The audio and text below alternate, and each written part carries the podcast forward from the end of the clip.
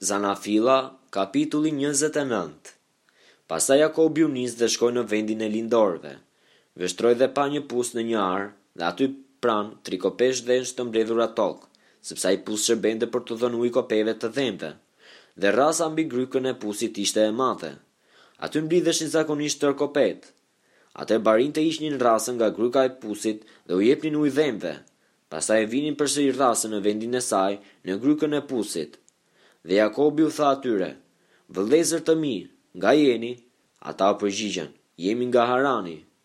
Atëherë ai u tha atyre, E njihni ju Labanin, birin e Nahorit? Ata u përgjigjën, E njohim. Ai u tha atyre, A është mirë ai? Ata u përgjigjën, Është mirë. dhe ja bija e tij Rakela, e cila po vjen me delet. Ai tha, Ja, është ende ditë e plotë dhe nuk ka ardhur koha për të mbledhur bagëtinë. Jepuni ujë deleve dhe pastaj çojini të kullosin. Por ata u përgjigjën, Nuk mundemi derisa të gjitha kopet të mblidhen e të kemi hequr rrasën nga gryka e pusit.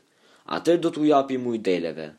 Ai po vazhdonte të fliste me ta kur arriti Rakela me delet e të atit, sepse ajo ishte një bareshë.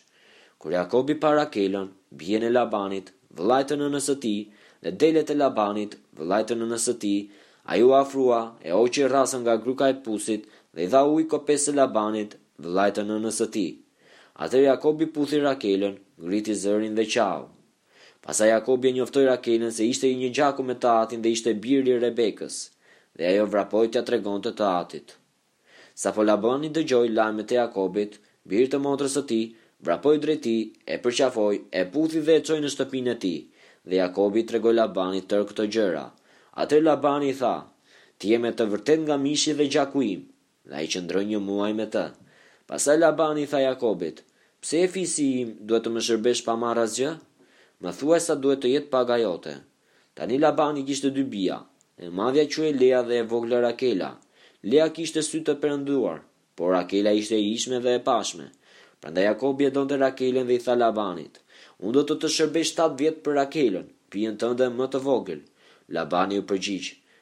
Më mirë të ta jap ty sesa një njeriu tjetër.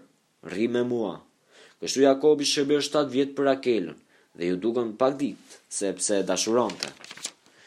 Pastaj Jakobi i tha Labanit, Më jep gruan time, sepse erdhi koha që të bashkohem me të. Atëherë Labani mblodhi tërë burrat e vendit dhe shtroi një gosti. Por, kur ra mbrëmja, ai mori bijën e tij Lea dhe e çoi te Jakobi, që hyri te ajo.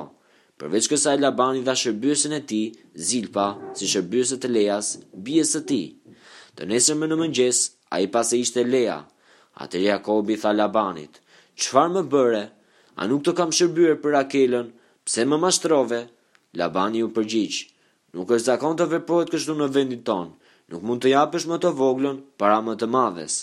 Mbaroje javën e kësaj dhe do të të japim edhe tjetrën, për shërbimin që do të më bësh për shtatë vjet të tjera.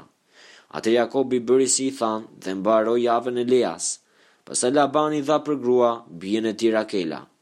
Përveç kësaj Labani i dha shërbyesen e tij, Bilha, si shërbyese e Rakelës, bijës së tij. Dhe Jakobi hyri gjithashtu te Rakela dhe e dashuroi atë më tepër se Lean, dhe shërbeu shtatë vjet të tjera te Labani. Zoti, duke parë që Lea urrehej, ia çeli barkun asaj, ndërsa Rakela ishte shterpë.